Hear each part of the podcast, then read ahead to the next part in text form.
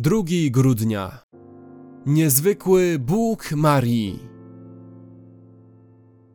Wielbi dusza moja Pana i rozradował się duch mój w Bogu, Zbawicielu moim, bo wejrzał na uniżoność służebnicy swojej. Oto bowiem odtąd błogosławioną zwać mnie będą wszystkie pokolenia. Bo wielkie rzeczy uczynił mi wszechmocny i święte jest imię Jego. A miłosierdzie Jego z pokolenia w pokolenie nad tymi, którzy się Go boją.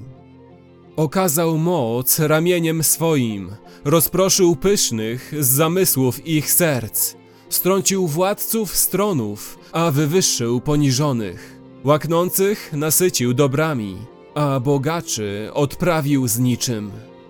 Ujął się za Izraelem, sługą swoim, pomny na miłosierdzie, jak powiedział do ojców naszych, do Abrahama i potomstwa jego na wieki.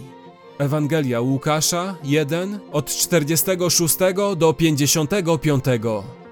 Maria wyraźnie dostrzega najbardziej niezwykłą rzecz o Bogu. Właśnie zamierza on zmienić bieg całej historii człowieka. Właśnie rozpoczynają się trzy najważniejsze dekady wszechczasów. A gdzie jest Bóg? Zajmuje się dwiema prostymi, pokornymi kobietami.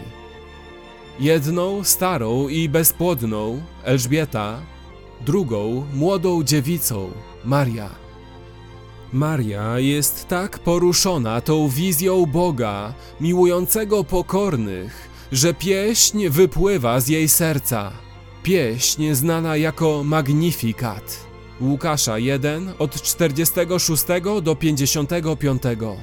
Maria i Elżbieta są cudownymi bohaterkami w relacji Łukasza. Kocha on wiarę tych kobiet.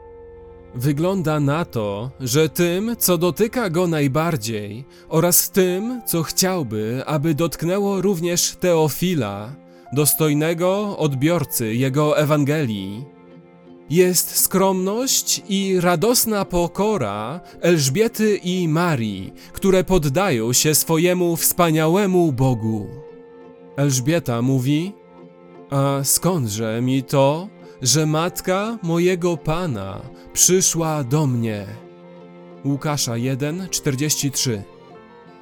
Maria zaś powiada: Bo wejrzał na uniżoność służebnicy swojej.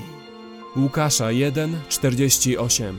Tymi, których dusza może prawdziwie wielbić Pana, są jedynie ludzie podobni do Elżbiety i Marii.